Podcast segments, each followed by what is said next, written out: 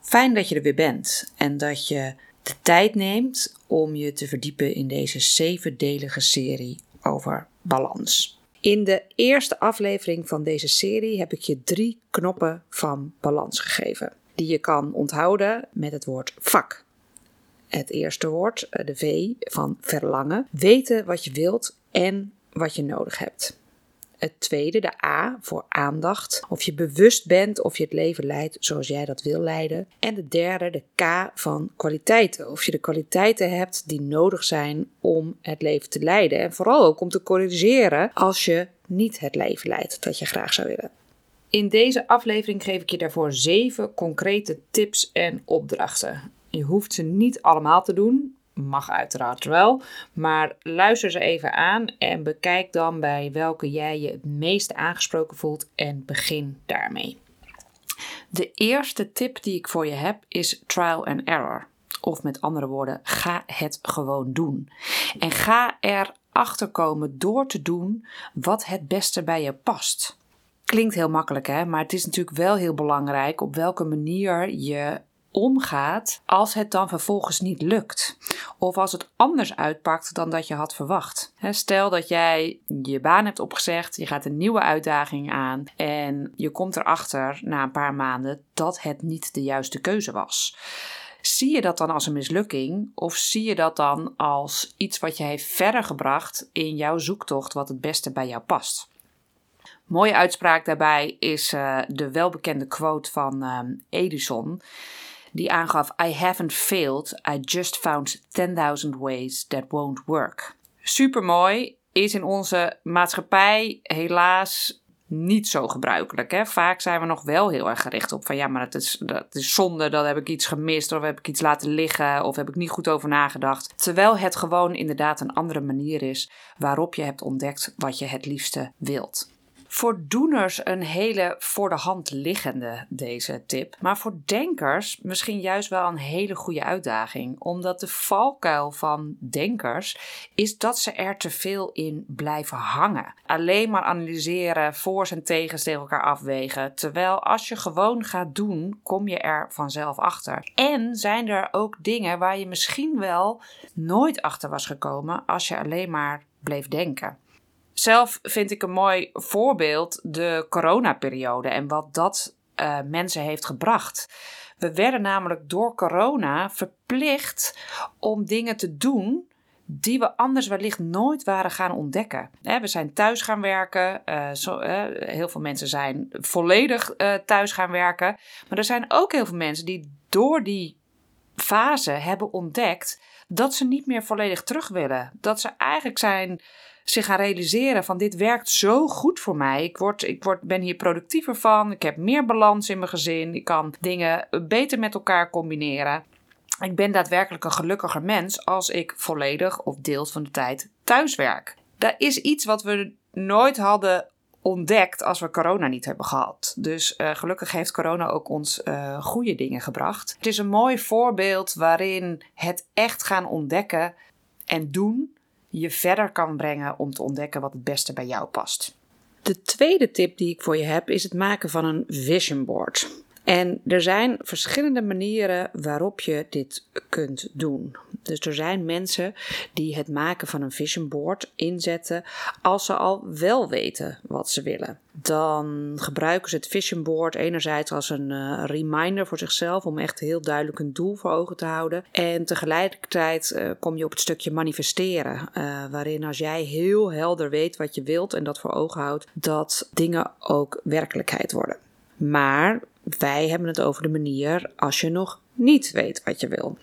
En hoe pak je dat dan vervolgens aan? Nou, begin in ieder geval met te bedenken waarvoor je je vision board wil inzetten. Is dat uh, hoe je wil voelen in je leven? Wat voor werk je wil doen? Wat voor ouder je wil zijn? Uh, dus wat is jouw vision board? Ik maak vaak een vision board voor een jaar. Uh, en na een jaar maak ik weer een nieuwe. Maar goed, bepaal eerst wat moet het voor jou visualiseren. Daarna zorg voor de juiste materialen, namelijk een flinke stapel met tijdschriften, het liefst een diverse soorten tijdschriften. Een groot vel papier, minimaal A3, maar liever groter. Uh, een schaar en lijm. Zorg vervolgens dat je in de juiste stemming bent. En ook dat is hoe dat, doe dat vooral hoe het voor jou werkt. Het werkt voor mij goed om een korte meditatie te doen uh, en een visualisatie. Dus waarbij ik eigenlijk al me inbeeld waarvoor ik mijn vision board ga maken en kijk wat voor beelden er eigenlijk gewoon als vanzelf bij me boven komen. Zorg daarnaast voor een fijne omgeving. Dus zorg dat je het comfortabel hebt, wat dat dan ook voor jou betekent. Zorg voor fijne muziek, wat lekkers, wat eten te drinken. Steek een kaarsje aan, wat voor jou werkt. Wat je vervolgens gaat doen, is eigenlijk intuïtief de bladeren doornemen, de tijdschriften doornemen die je bij je hebt. Ehm, en intuïtief is gewoon scheuren, scheur dingen uit, uh, uitspraken, plaatjes, ehm, puur dingen waar je je tot aangetrokken voelt.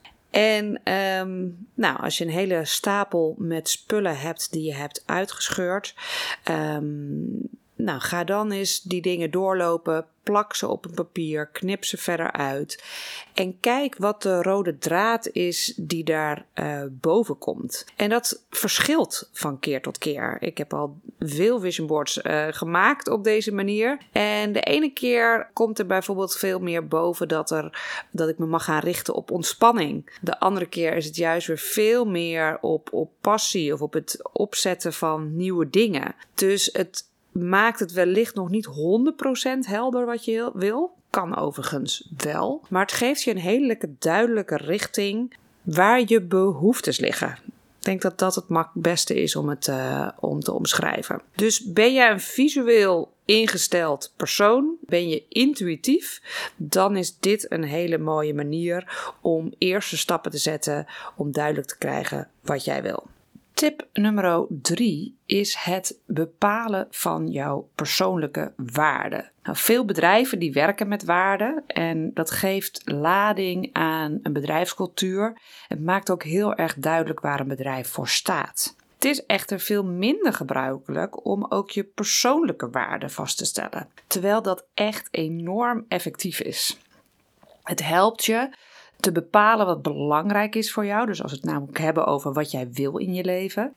Wat jouw drijfveren zijn. Dus je kan het eigenlijk zien als een kompas waarop je altijd kan navigeren om te bepalen of je de juiste keuzes maakt in jouw leven. En als je namelijk niet volgens jouw belangrijkste waarde leeft, dan zul je altijd merken dat het ergens wringt. En soms kan je dan, als je die waarden niet voor jezelf helder hebt, niet helemaal de vinger erop leggen. Persoonlijk had ik dat in een functie die ik had bij een bedrijf, waarbij ik eigenlijk rationeel kon bedenken, ja, dit is echt perfect. Hè? Dus ik heb eigenlijk het, het volledige plaatje. Het was een mooie functie. Uh, ik had, uh, qua reistijd was het precies uh, wat ik wilde. de salariering was, was prima. Er zat voldoende uitdaging in. Ik had leuke collega's. Dus waarbij je eigenlijk denkt, ja, perfect, hè? Wat wil je nog meer?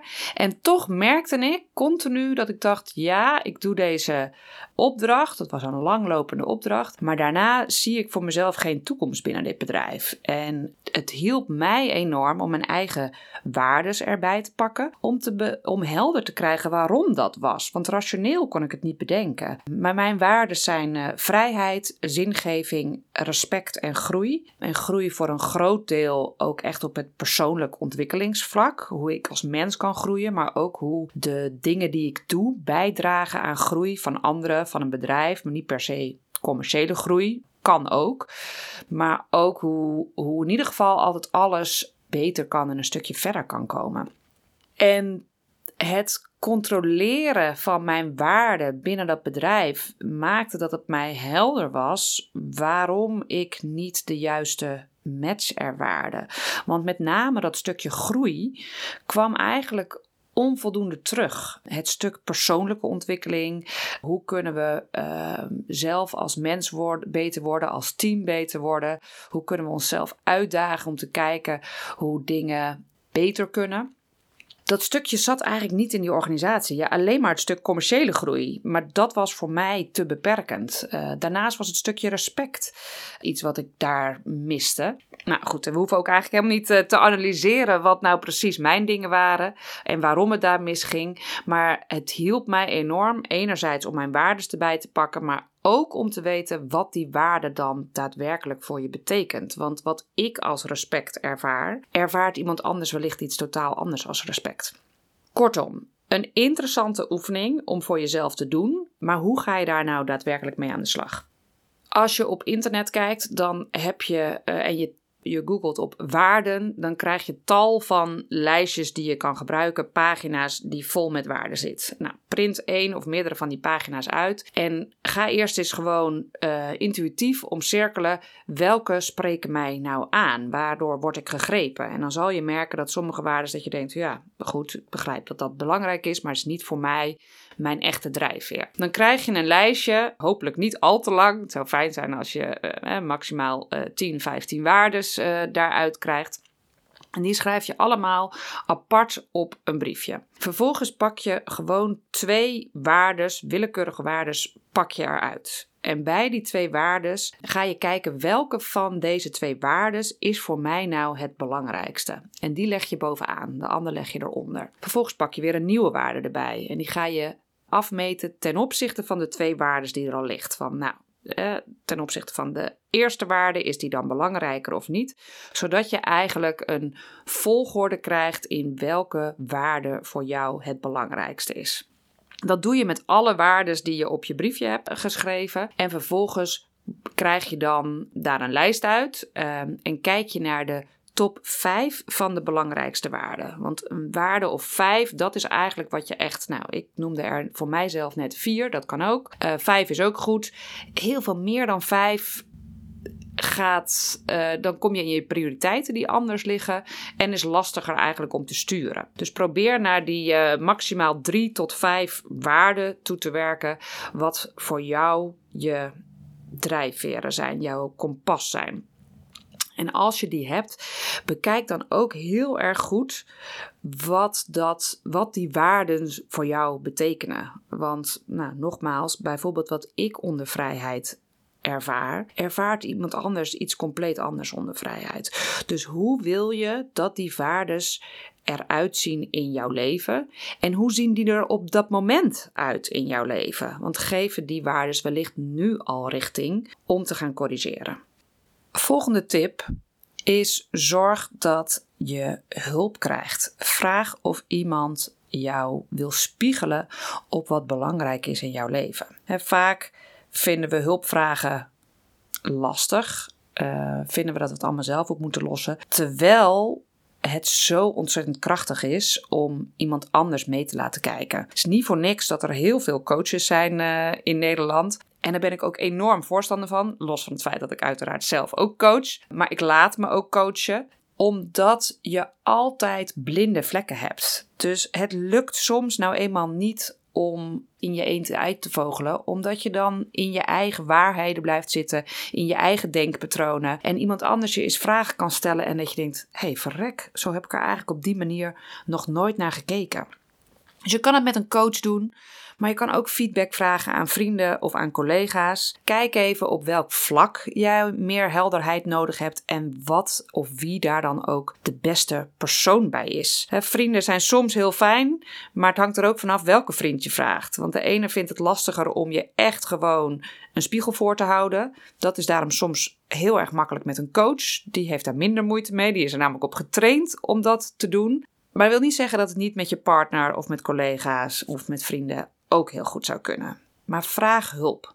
Tip nummer 5 is om jezelf een brief te schrijven. Überhaupt ben ik heel erg voorstander van schrijven. Dan gebeuren er dingen waarbij je soms verrast bent dat je dat ja, eigenlijk met je hersenen niet kan, uh, kan bedenken. Vooral als je intuïtief gaat schrijven. intuïtief schrijven is echt, je neemt iets voor ogen en zorg dat je je pen en je papier niet los van elkaar komen. Dus ga eigenlijk alleen maar schrijven als je zorgt dat je door blijft schrijven, dan zorg je namelijk dat je gedachten uitgaan. En dat het gewoon vanzelf gaat vloeien. En dat er dan dingen op papier komen te staan waarvan je dacht: oh, echt waar? Als je het terugleest. Ehm, maar goed, dat is even intuïtief schrijven. Nu heb ik een concrete opdracht hierbij. En dat is namelijk: ga in je gedachten uh, vooruit in de tijd. En beeld in dat je op je sterfbed ligt. En schrijf dan een brief waarin je terugblikt op jouw leven. En wat zou je willen zeggen over jezelf? Wat voor dingen zou je gedaan willen hebben? Hoe zou je willen dat je relaties eruit zien? Want in de haast van het leven vergeten we vaak stil te staan bij wat we het liefste willen. Maar als je in je gedachten naar je sterfbed gaat, is het veel makkelijker om te relativeren en om dus helder te krijgen wat jij nou echt wilt in je leven. En om te bekijken of je daar ook daadwerkelijk naar leeft. Dus tip nummer 5: schrijf een brief aan jezelf vanaf jouw sterfbed. Het bepalen wat je wil is vaak een hele grote vraag en soms ook wel te groot. Ehm, daarbij helpt het om je leven in te delen in een aantal gebieden. De gebieden die de meeste invloed hebben op jouw geluksniveau. Dat zijn gezondheid, relaties, geld en ontwikkeling. En die vier gebieden die zijn ook weer verder onder te verdelen. als je bijvoorbeeld kijkt naar gezondheid, dan zijn er meerdere aspecten die van invloed zijn op jouw gezondheid. Enerzijds beweging, anderzijds wat je eet en drinkt. En tegelijkertijd is ook het stuk ontspanning heel erg belangrijk. Dus als je kijkt naar gezondheid, dan ken ik mensen die hartstikke veel bewegen, maar vervolgens de verkeerde dingen tot zich nemen. En daar toch qua gezondheid zich niet op z'n allerfitst voelen. Een methode die ik heel erg fijn vind om inzicht te krijgen, is het levenswiel. En in dat levenswiel zijn rubrieken uitgewerkt en geef je die vier onderdelen en eigenlijk dus nog de verschillende gebieden die bij die vier onderdelen gezondheid, relaties, geld en ontwikkeling passen, die geef je een cijfer. En in dat levenswiel, dus dat is een, een uh, document met een, uh, een, rond wiel, kleur je die vervolgens in en kijk je waar de hiaten liggen in jouw leven. En onze cultuur is redelijk gericht om uh, van vieren zessen te maken. Als je kijkt naar ons schoolsysteem, dan kijken we niet zozeer van nou, je bent al goed in aardrijkskunde bijvoorbeeld. Daar heb je al een acht voor van hoe kunnen we dat nog beter maken. Nee, ons schoolsysteem is erop gericht eigenlijk op de onvoldoendes. Nou, normaliter ben ik daar niet zo'n heel erg voorstander van. Want ik denk het het is veel mooier om jouw talenten verder te benutten dan aandacht te geven aan de dingen waar je misschien niet zo goed in bent. Maar in dit geval is het wel heel erg belangrijk.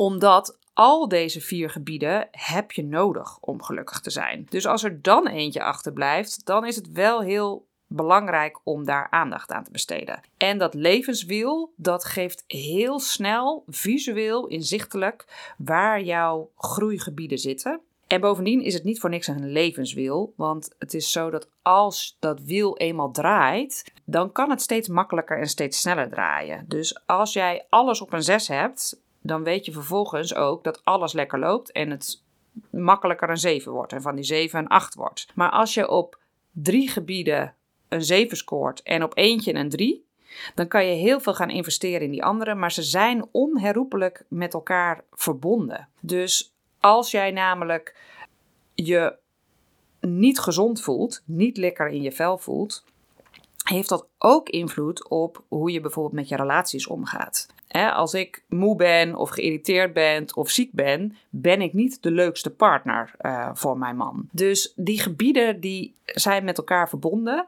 En daarom is het ook zo interessant. Zorg in ieder geval dat alle gebieden ongeveer op hetzelfde cijfer zitten. En ga vanuit daar kleine stapjes maken om dat levenswiel sneller te doen draaien. En allemaal de cijfers naar 8, 9, 10 te krijgen. Ik heb voor jou uh, zo'n document klaargezet, zodat je dat kan uh, gebruiken. Dat staat op succesvolbalanceren.nl slash levenswiel. Kan je daar uh, gratis downloaden en voor jezelf gebruiken om dit inzichtelijk te maken. En dan de laatste tip die ik heb. Die gaat over de vragen die je jezelf kunt stellen. Want het is goed om je te realiseren vanuit welke uitgangspunten mensen tot verandering komen. Want als we het hebben over meer balans, uh, en die heb je dan dus kennelijk nu niet, of onvoldoende, dan is het dus belangrijk dat er iets gaat veranderen. En die twee uitgangspunten is, uh, zijn pijn en plezier. En om nog iets specifieker te zijn, het nastreven van plezier of het vermijden van pijn. En vanuit nature zijn wij meer bereid, en met wij bedoel ik eigenlijk gewoon elk mens, meer bereid om pijn te vermijden dan om plezier na te streven. Gaat dat terug hè, vanuit heel, heel vroeger. Uh, leefden mensen in de natuur. Was het belangrijker om te zorgen dat ze niet werden opgegeten door de sabeltandtijger. dan om plezier na te streven dat ze met, het, uh, met z'n allen bij het kampvuur zaten en zoveel plezier hadden. Dus het was een stukje overleven. En vanuit dat overlevingsprincipe zijn we bereid om meer te doen om pijn te vermijden. Dat is dan ook de reden waarom veel mensen ook zeggen dat bijvoorbeeld een burn-out of een scheiding uiteindelijk een cadeau voor ze is geweest. Omdat ze dingen echt anders zijn gaan doen in hun leven. De pijn was namelijk op dat moment zo groot dat een verandering noodzakelijk werd. Maar goed. Gelukkig is het zeker uh, middels uh, persoonlijke ontwikkeling, middels training en coaching uh, mogelijk om te gaan veranderen terwijl je niet zulke extreme pijn hoeft te ervaren. In deze aflevering, zo, in deze aflevering hebben we het over het helder krijgen van jou, wat jij wil. Dus het gaat over jouw verlangen. En logischerwijze is dit gekoppeld aan plezier. Maar het kan dus ook het voorkomen van pijn zijn. Hè? Dus zit je in een situatie die niet wenselijk is, dus dat je wel ervaart, nou, dit is in ieder geval niet wat ik wil, hierdoor ervaar ik niet de juiste balans, stel jezelf dan de volgende drie vragen. Kun je het veranderen? En als daarop het antwoord nee is, kun je het dan accepteren? Als het antwoord daarop wederom nee is, ga dan weg of dat dan betekent dat je je baan opzegt, of dat je je partner verlaat, of dat je weggaat uh, uit een bepaalde situatie. Ga weg. En er zijn dan wel eens mensen die zeggen: ja, maar, ja, maar dat kan ook niet. Nou, ik geloof sowieso dat je altijd een keuze hebt. dus als je niet weggaat, dan kies je ervoor Want dat kan, dat je zegt: nee, goed, weet je, ik, ik merk dat het uh, of bij mijn werkgever, mijn partner of wat dan ook, niet dat ik eigenlijk weg zou willen, maar ik kies ervoor om te blijven om een specifieke reden. Dat kan, dat betekent dan wel dat je dus de situatie te accepteren hebt. Dus als je het namelijk dan niet accepteert, je moet eigenlijk altijd één van drie, deze drie keuzes moet je kiezen. Dus deze vragen helpen je in ieder geval om je uit de situatie te halen waarin je disbalans ervaart. Dit waren de zeven tips en opdrachten die je kunt gebruiken om te bepalen wat jij wil. Ik herhaal ze even. 1. Ga het doen. Trial and error. 2. Maak een vision board. 3. Bepaal je persoonlijke waarden. 4. Vraag hulp. Een coach, een partner, een collega, vriendin. 5. Schrijf een brief aan jezelf vanaf je sterfbed. 6. Vul het levenswiel in dat je kan downloaden op succesvolbalanceren.nl/slash levenswiel. En 7. Stel jezelf de drie vragen. Met mijn bedrijf Succesvol Balanceren train en coach ik in de breedste zin van het woord in balans. Dus ook bijvoorbeeld de balans in teams. Ik ben er namelijk van overtuigd dat medewerkers die in balans zijn, dat dat gelukkige medewerkers zijn. En dat zou nou echt bovenaan het verlanglijstje moeten staan van elke organisatie. Waarom? Omdat gelukkige medewerkers tot 50% minder vaak ziek zijn, 9 keer zo loyaal en tot 12% productiever. Kortom, onze trainingen zijn geen kostenpost, maar een investering. Ze verdienen zichzelf terug. Kijk op www.succesvolbalanceren.nl wat we voor jou of jouw bedrijf kunnen betekenen. Of mail me op info.succesvolbalanceren.nl om een verblijvende kennisafspraak in te plannen. Ik wil je bedanken voor het luisteren en ik nodig je uit om ook de volgende afleveringen uit deze serie te beluisteren. In de volgende aflevering ga ik in op het tweede deel van knop 1, knop 1 van verlangen. Verlangen gaat namelijk over een stuk willen en een stukje nodig hebben. En voor dat laatste geef ik je in de volgende aflevering concrete tips.